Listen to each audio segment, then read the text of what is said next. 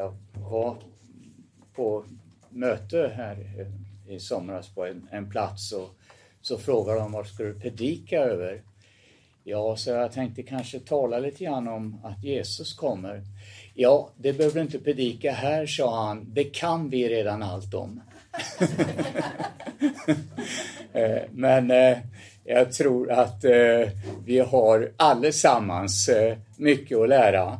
Eh, och jag känner för min del att eh, det finns alltid någonting nytt att, att hämta in. Eh. Ny välsignelse och ny uppenbarelse att få. Jag var som sagt var förra helgen var jag nere i, i Småland på ett, ett ställe som heter Bolmsjö och hade möte med bland annat då Nenne Lindbergs eh, dotter Amelia, Emilia heter hon som jag har känt sedan hon var liten. Eh, och eh, det var härliga möten. Eh, många var ett tält ute i skogen också, eller för säga, men ute på en åker ingenstans och man undrar skulle det komma några människor dit men tältet var helt fullspikat, kanske ett par hundra människor en måndagkväll. Eh, och det visar ju att det finns en hunger efter Guds ord. Människor längtar idag. Och då var det en broder som eh, skickade ett meddelande som jag tyckte var så väldigt fint och som eh, jag vill läsa upp här för dig vad han skrev efter eh, det här mötet. Eh, eh Igår kunde jag knappt gå till mötet eh, fast jag hade tagit många värktabletter. Jag kan inte cykla för benen eh, kan inte böja sig på grund utav smärtan. På mötet igår kväll så kom den helige Ande över mig. Jag kände att det hände något i slutet av din predikan. Och idag när jag vaknade så är smärtan borta och jag kan cykla utan besvär. Halleluja. Halleluja. Ja, det är vad den helige Ande gör när vi är öppna för vad han vill göra. Han har alltid någonting i beredskap och det tror vi att han har i det här mötet också. Ska vi be tillsammans innan vi läser Guds ord här. Jesus, jag tackar dig Herre för att eh, vi får samlas i ditt underbara namn Herre. Med dig i centrum och tack att du som vi har hört är densamme. Jesus, det du gjorde igår, det vill du göra idag Herre. Och du har inte anseende till personen, Herre, utan vi är alla lika mycket värda inför dig, Herre. Tack Jesus att du har, det du har gjort för andra, det vill du göra för oss, Herre. Det du gjorde när du vandrade på jorden, det vill du göra idag, Herre. Tack Jesus Kristus för din nåd emot oss och för den heliga Andes underbara hjälp att förstå ditt ord, Herre. I Jesu namn. Amen. Amen. Då vill jag läsa några verser här bara ifrån, eh, ifrån Mark, Matteus, det trettonde kapitlet och eh, ifrån den 44 versen, alltså Matteus 13 och 44. Himmelriket är som en skatt som ligger gömd i en åker. En man finner den och eh, i sin glädje eh, går han och säljer allt vad han äger och köper den åkern. Himmelriket är också som en köpman som sökte efter fina pärlor. När han fann en mycket dyrbar pärla gick han och sålde allt han ägde och köpte den. Amen. På den här tiden så var det ju inte helt ovanligt med att det var oroliga tider, krig och eh, ett av de allra säkraste sätten att eh, skydda sin egendom och det som var värdefullt, det var helt enkelt att bara gräva ner det.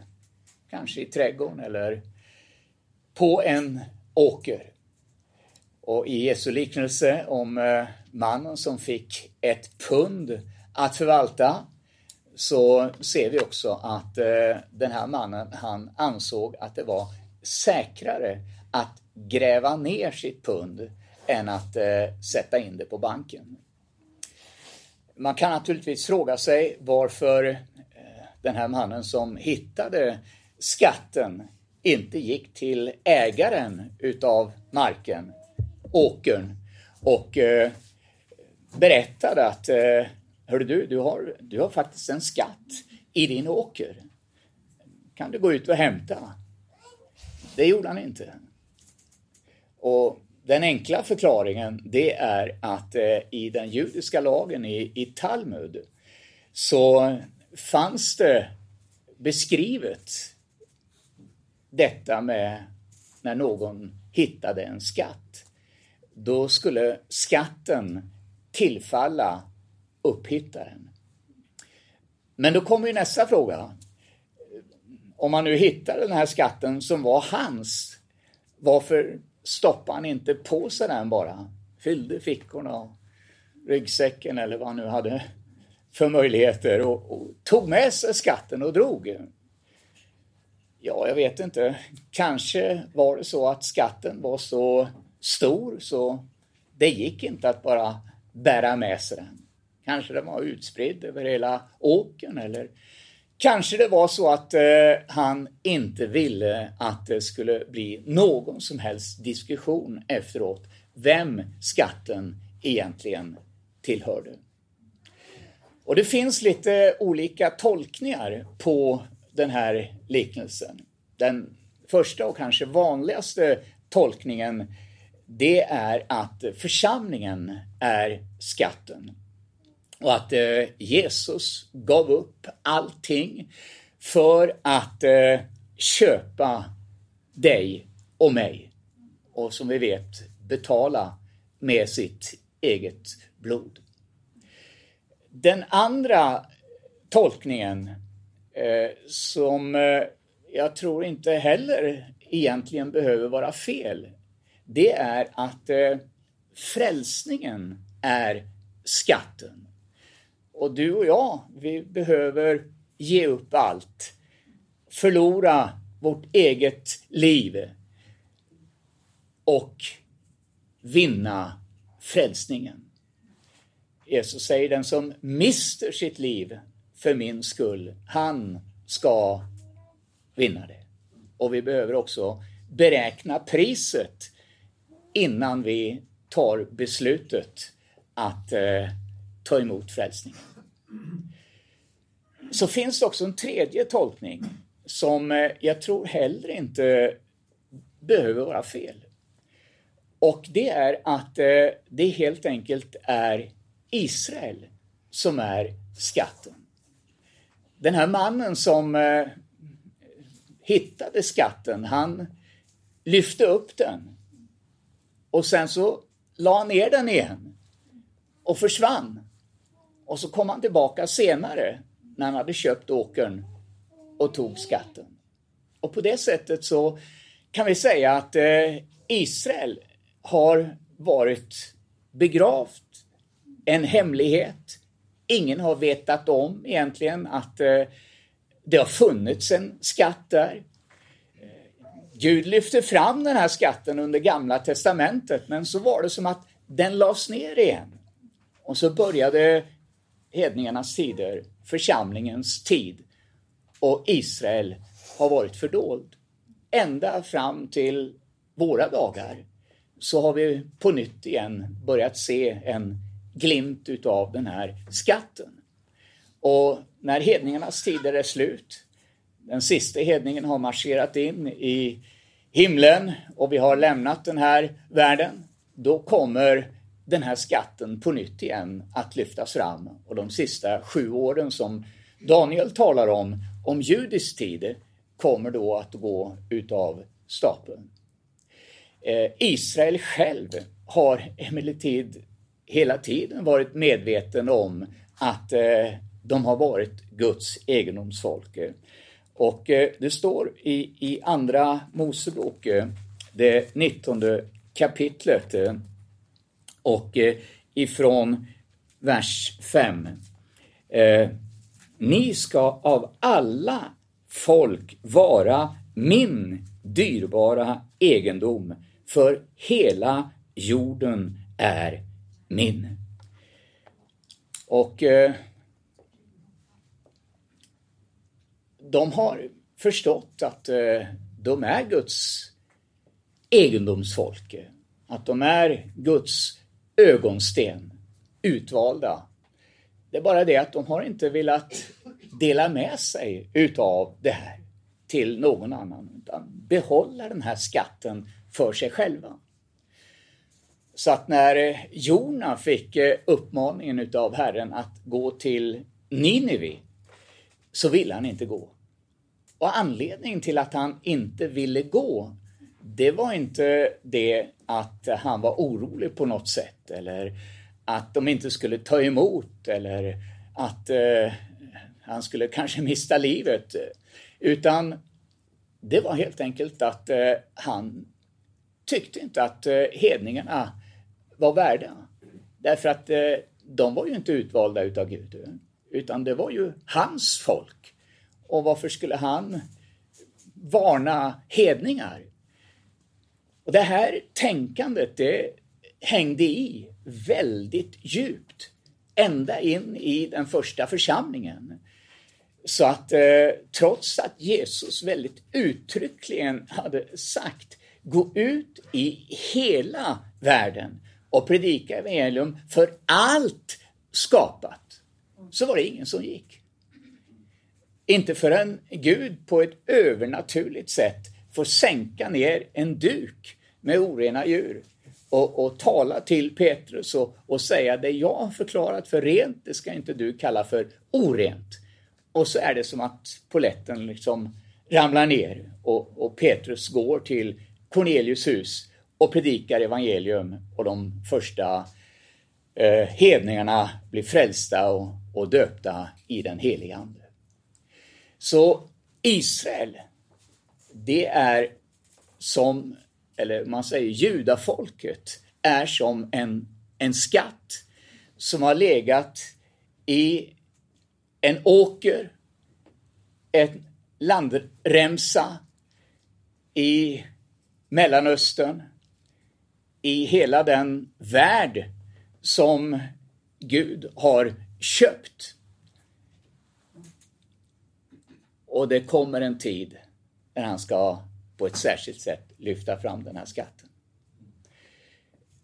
Församlingen däremot, det är pärlan som eh, är tagen ur havsdjupet. Och i Bibelns bildspråk så är havet en bild på folkhavet. Och i detta folkhav så har Gud hittat en pärla. Och, och Bibeln säger här att det, det, var en mycket dyrbar pärla. Och eh, det, det grekiska ordet för dyrbar, det är kalos, som betyder också vacker, strålande, underbar. Eh, det var en pärla med en fantastisk glans som eh, förmodligen inte liknade någon annan pärla eftersom mannen var beredd att sälja allt vad han ägde och hade för att köpa just den här pärlan. Eh, det var en pärla med ett oskattbart värde.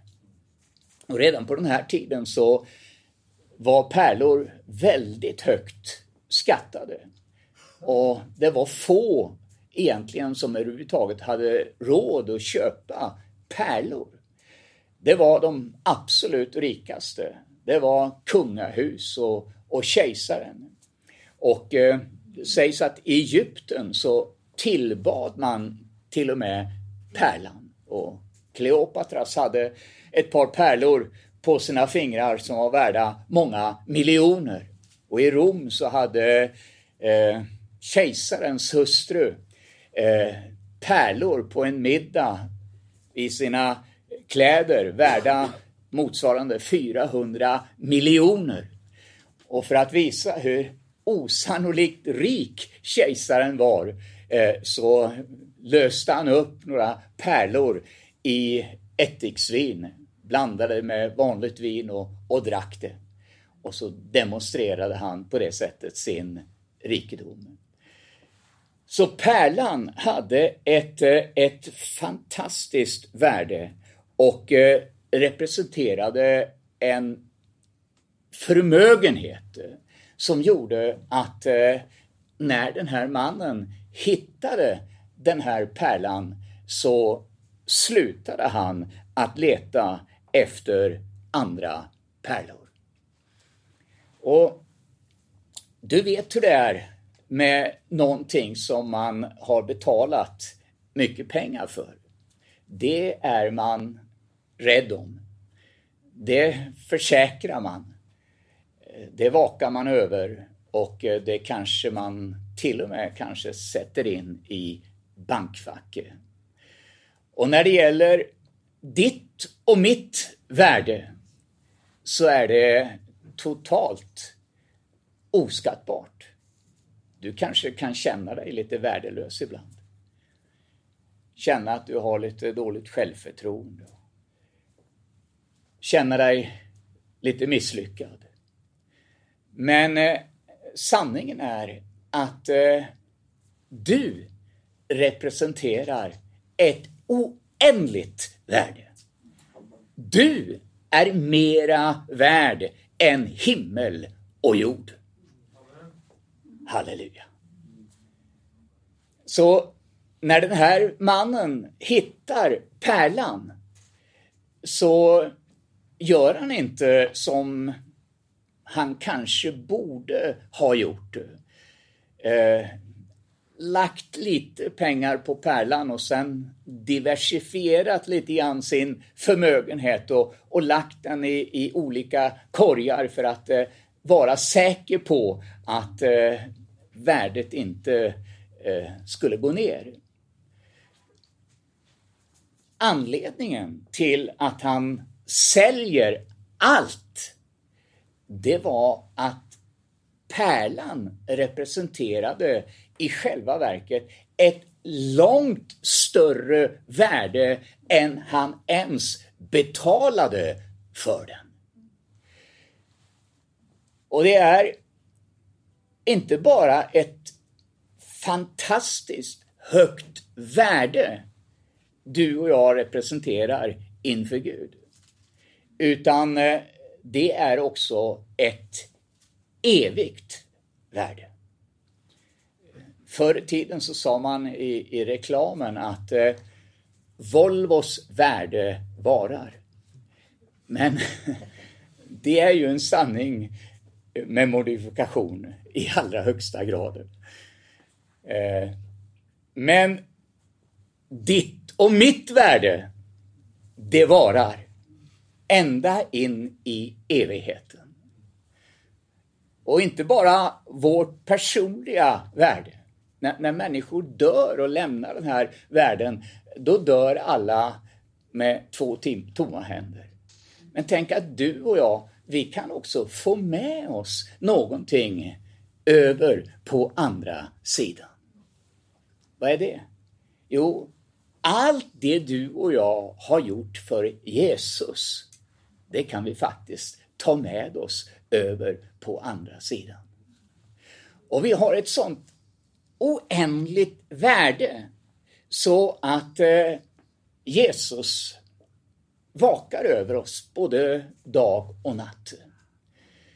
Han eh, ser oss, precis som Israel, som sin ögonsten. Och du vet hur det är när någonting kommer emot ögat. Då är handen och armen uppe där som en reflex för att skydda ögat. Och på samma sätt så vakar den helige Ande över oss. Och Jakob säger i eh, Jakob 4 och 5 att eh, den helige Ande längtar med svartsjuk kärlek att ta sin boning över i oss. Så att eh, han är väldigt bekymrad över att det verkligen ska gå oss väl, att eh, vi ska bli bevarade. Och han säger ingenting ska kunna rycka dem ur min hand. Ingenting ska kunna rycka dig ur hans hand. Varken död eller liv, varken änglar eller andefurstar, varken någon makt i höjden eller någon makt i djupet, varken något som nu är eller något som skall komma. Ingenting ska kunna skilja dig ifrån Guds kärlek i Jesus Kristus. Halleluja. Han vakar över dig och eh, han eh, försvarar dig och han eh, talar väl om dig inför Fadern. Eh, vi kan säga att eh, församlingens värde dock inte är uppenbart för alla. För de flesta så är församlingens värde ungefär som ja, vilken förening som helst egentligen. Och man, eh, man förstår inte att det finns människor som vill ge upp allt för att följa Jesus. Att det finns människor som eh, ja, inte följer sina begär och lever livets glada dagar och njuter utav tillvaron eh, så mycket man bara kan, utan väljer att eh, ta sitt kors på och följa en man som levde för 2000 år sedan som kallas för Jesus. Detta är fullständigt obegripligt för den naturliga människan. Eh, evangelium, det är en dårskap för den som går förlorad. Men för oss som har sett skatten, fått våra ögon öppnade, så är det själva livet. Och anledningen till att man inte ser och inte förstår, det är att denna världens Gud helt enkelt har förblindat deras ögon så att man inte kan se. Och då tänker jag, om människor är förblindade, Då tänker det en blind man, då kan vi ju inte skälla på den blinde och anklaga honom och, och säga fattar du ingenting? Det ser ju ut på det här sättet och så här är det. Och så försöker vi i ilska nästan att förklara hur omgivningen ser ut. Det funkar ju inte. Utan den enda chansen det är att eh, vi i kärlek försöker att förklara hur saker och ting ser ut. Och ännu hellre att den blinde får sina ögon öppnade så att han faktiskt kan se. Kan vi hjälpa honom till ögondoktorn så är ju det det ultimata. Därför att eh, när hans ögon blir öppnade, ja, då behöver vi ju inte komma med massa förklaringar och argument längre. Utan då ser han. Och eh, den enda möjligheten egentligen att se rikedomen i frälsningen, det är att böja sig. Ska man se skatten eller, eller pärlan, då kan man inte gå omkring så här i tillvaron med näsan lite grann upp i vädret och titta mot skyn. Utan då måste man faktiskt böja sig och se ner och gräva lite grann. Eller dyka på djupet för att hitta den där pärlan. Det finns bara en kategori utav människor som eh, får uppleva det Gud har att ge. Det står att det ödmjuka ska besitta jorden. Den som kommer med ett ödmjukt och förkrossat hjärta ska han inte förskjuta. Det vill säga, vi måste komma med en inställning, Gud, jag vet inte allt. Jag ser inte allt. Men Gud, visa mig. Uppenbara för mig frälsningen och det du har att ge. Då kommer han inte att visa bort någon enda. Och det viktigaste, det är inte hur vi får tag på den här skatten. Det finns eh, många olika sätt att, att upptäcka den på. Jag tänker på Paulus till exempel. Han var ju på väg i ett helt annat ärende än att eh, söka efter en skatt. Eller att upptäcka frälsning. Det var ju faktiskt det motsatta. Men där på vägen till Damaskus så får han sina ögon öppnade och så ser han Jesus som talar till honom. Kvinnan i Samarien som eh, var törstig och, och ville hämta vatten går till brunnen och där i vardagen så möter hon Jesus. Och eh, ja, jag läste om Spurgeon, hur, hur han mötte Jesus. Det gjorde han som ung tonåring faktiskt, då han en kväll kände sig lite uttråkad och fick för sig att han skulle gå på möte. Men det var vinter och det var snöstorm och predikanten som skulle predika på mötet kom inte fram på grund utav stormen. Så att eh, en broder i församlingen skulle predika istället. Och han eh, var varken förberedd eller kunde predika. Så att eh, han stod och, och stammade och stapplade och sa gång på gång att eh, se på Jesus. Och, och Spurgeon han satt där i bänken och, och, kände sig mer och mer irriterad över den där stackaren som inte kunde predika. Men så spände mannen ögonen in i eh, Spurgeon, Charles Haddon Spurgeon som han hette, och sa Unge man, du ser för eländig ut och du kommer att förbli eländig ända till dess att du lämnar det här livet. Om du inte gör som jag säger och ser på Jesus. Se på Jesus! Och Spurgeon berättar att i ett ögonblick var det som att dimman skingrades och så ser han Jesus och tar emot Jesus. Och för dig som inte vet vem Spurgeon var, så var han en utav eh, det var väl slut på 1800-talet som han var pastor i London och eh, hade en, på den tiden, megakyrka. Tusentals människor blev frälsta under Spurgeon. Men så finns det också en annan kategori utav människor som verkligen bara är nöjd med det här äkta. Man vill ha den äkta pärlan. Man, man är inte nöjd bara med lite grann på ytan, lite eh, religion, utan eh, man vill ha det genuina.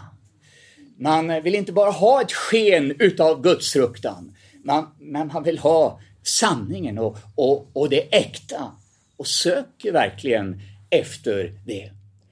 Och, och det finns också så mycket falskhet. Eh, det finns eh, kopior på pärlor. Eh, egentligen bara glaskulor fyllda med vax överdragna med pärlemorlack. Och, och, och för den ovanliga ovane betraktaren så kan det se väldigt äkta ut.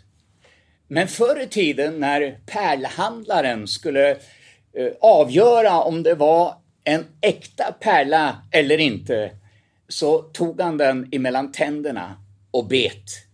Och, och, och kände han då hårdheten, i pärlan, den äkta pärlan, då förstod han, det här är en riktig pärla. Och, och då kanske du säger, ja men vi ska väl inte vara hårda, vi ska vara mjuka. Ja, vi ska vara mjuka i hjärtat. Men Bibeln säger han gör vår panna hård som diamant. Det vill säga, vi är hårda här så att vi tar inte emot vad som helst och vi sänks inte utav vad som helst. Vad människor säger eller våra känslor och våra negativa tankar eh, som vill dra oss ner. Utan där är vår panna hård.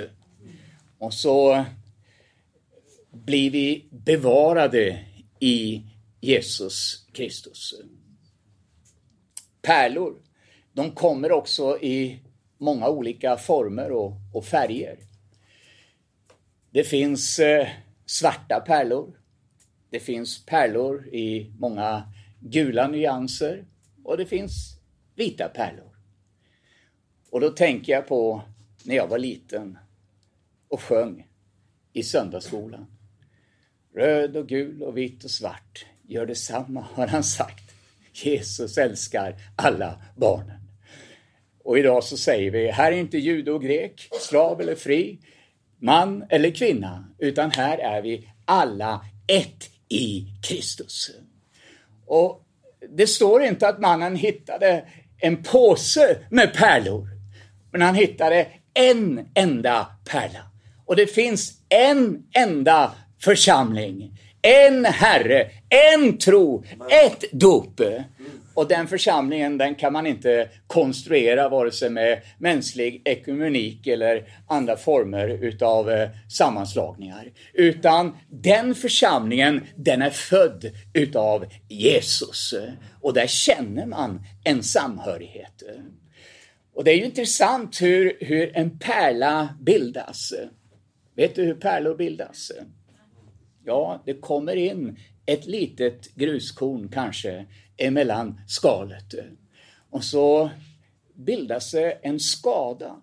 Och för att skydda sig ifrån skadan så börjar musslan att kapsla in det lilla gruskornet i det ena lagret efter det andra utav pärlemor till dess att det blir en vacker pärla. Och du och jag, vi är egentligen också födda i en skada. Vi föddes i hans sår. Och där vill Gud kapsla in oss och bevara oss eh, och låta oss leva. Fördolda för världen. Men eh, så är det som att Gud, han ibland lyfter fram sin församling. Och förr i tiden för att man skulle få tag på pärlan när man hade lyft upp musslan så lät man musslan ligga och ruttna. Då var den lätt att öppna, så tog man fram pärlan. Och det finns, skulle jag vilja säga, mycket utav människoverk också som behöver ruttna bort för att Gud ska kunna lyfta fram den här dyrbara pärlan. Och eh, jag tror att på samma sätt som eh, översteprästen bar Israel i form utav tolv stycken stenar på sin bröstsköld och visade upp Israels stammar så vill Gud också ha församlingen som ett smycke på sin rena dräkt. Och Det speciella med pärlan, det är att den både kan absorbera och återspegla ljus. Du och jag, vi, vi har inget ljus i oss själva. Men eh, vi kan absorbera hans ljus. Och vi kan återspegla honom. Och eh, han vill forma oss, står det, efter hans sons bild. Så att människor kan se Jesus i dig och mig. Och en dag i det nya Jerusalem, då ska skatten och pärlan finnas där samtidigt.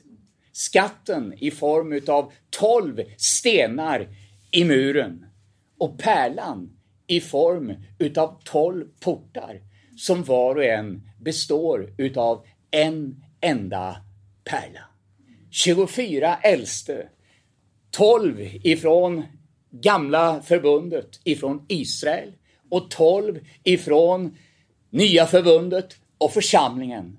Och så ska de tillsammans lägga ner sina kronor inför honom som sitter på tronen. Och så ska varje knä böjas, varje tunga bekänna att Jesus Kristus är Herre. Halleluja. Och så tillhör vi varandra. Vi kan inte bli frälsta utan Israel. Vi är inympade, står det, som oäkta grenar i det äkta olivträdet. Och så är det som att Gud till slut fullbordar sin underbara frälsningsplan. Och det slutar med att han visar upp sin brud för hela universum. När bruden ser på sig själv så säger hon som i Uppenbarelseboken, se inte på mig, jag är så svart, jag är så eländig, jag är så dålig.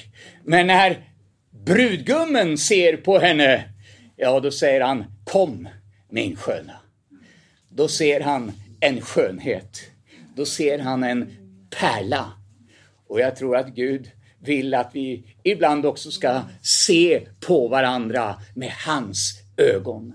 Se det oändliga värde som var och en utav oss representerar. Se det värde som fick Jesus att ge sitt blod och köpa oss med ett pris som vi inte ens kan begripa och, och förstå.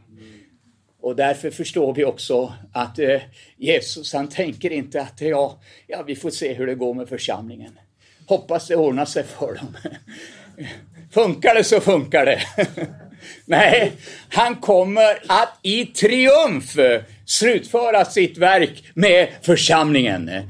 Och den församling som han kommer för, att hämta, det är tror jag en församling som står med upplyftade huvuden och väntar på att förenas med honom som är vår brudgum och vän som vi älskar och tjänar utav hela vårt hjärta. I Jesu namn. Amen. Amen. Kära Jesus, jag tackar och prisar dig Herre. Jag lovar ditt underbara namn Herre, för att eh, du bryr dig om varenda en om oss, av oss Herre. Tack Jesus Kristus att eh, du ser varje litet personligt problem Herre. Du engagerar dig för oss och du står beredd att fylla våra behov Herre. Du står beredd Jesus Kristus för att eh, lyfta oss upp Herre, för att eh, bistå oss Herre Jesus, för att stötta oss Jesus, för att tala till oss och leda oss. Tack Jesus Kristus eh, för att du ser den människa som kämpar just nu. Den människa som eh, upplever sig nedtyngd, som eh, har problem med ekonomin, som har problem med verk, som inte ser någon ljusning, som känner sig nedtyngd, upplever hur hopplösheten blir begripa och har en massa frågor. Men tack Jesus Kristus för att eh, du talar just nu. Och du säger, se inte på omständigheterna, utan se på mig. Därför att just nu så räcker jag ut min hand, säger Herren, och lyfter av din börda. Och jag vill låta dig vila i min starka och mäktiga hand. Du kan vila ifrån dina egna ansträngningar och mänskliga försök att åstadkomma någonting. Du har sökt överallt och gjort allt. Men sök mig, säger Herren, och sätt mig på första platsen. Prioritera mig och du ska få uppleva hur jag ger dig allt det andra, hur allt annat faller på plats, säger Herren. Bekymra dig inte. Oroa er inte för framtiden. För den ligger i min hand och jag ska föra dig igenom det som ser ut som stora omöjliga berg. Jag ska lyfta av den hopplösa känslan och ge dig ett hopp och en framtid som inga människor kan ge, säger Herren. Amen. Amen. Vem är hon som är långt mer än alla pärlor värd? Som i denna världen lyser upp i all sin färd. Se hur hon arbetar på det fina vita lin Vem kan denna sköna jungfru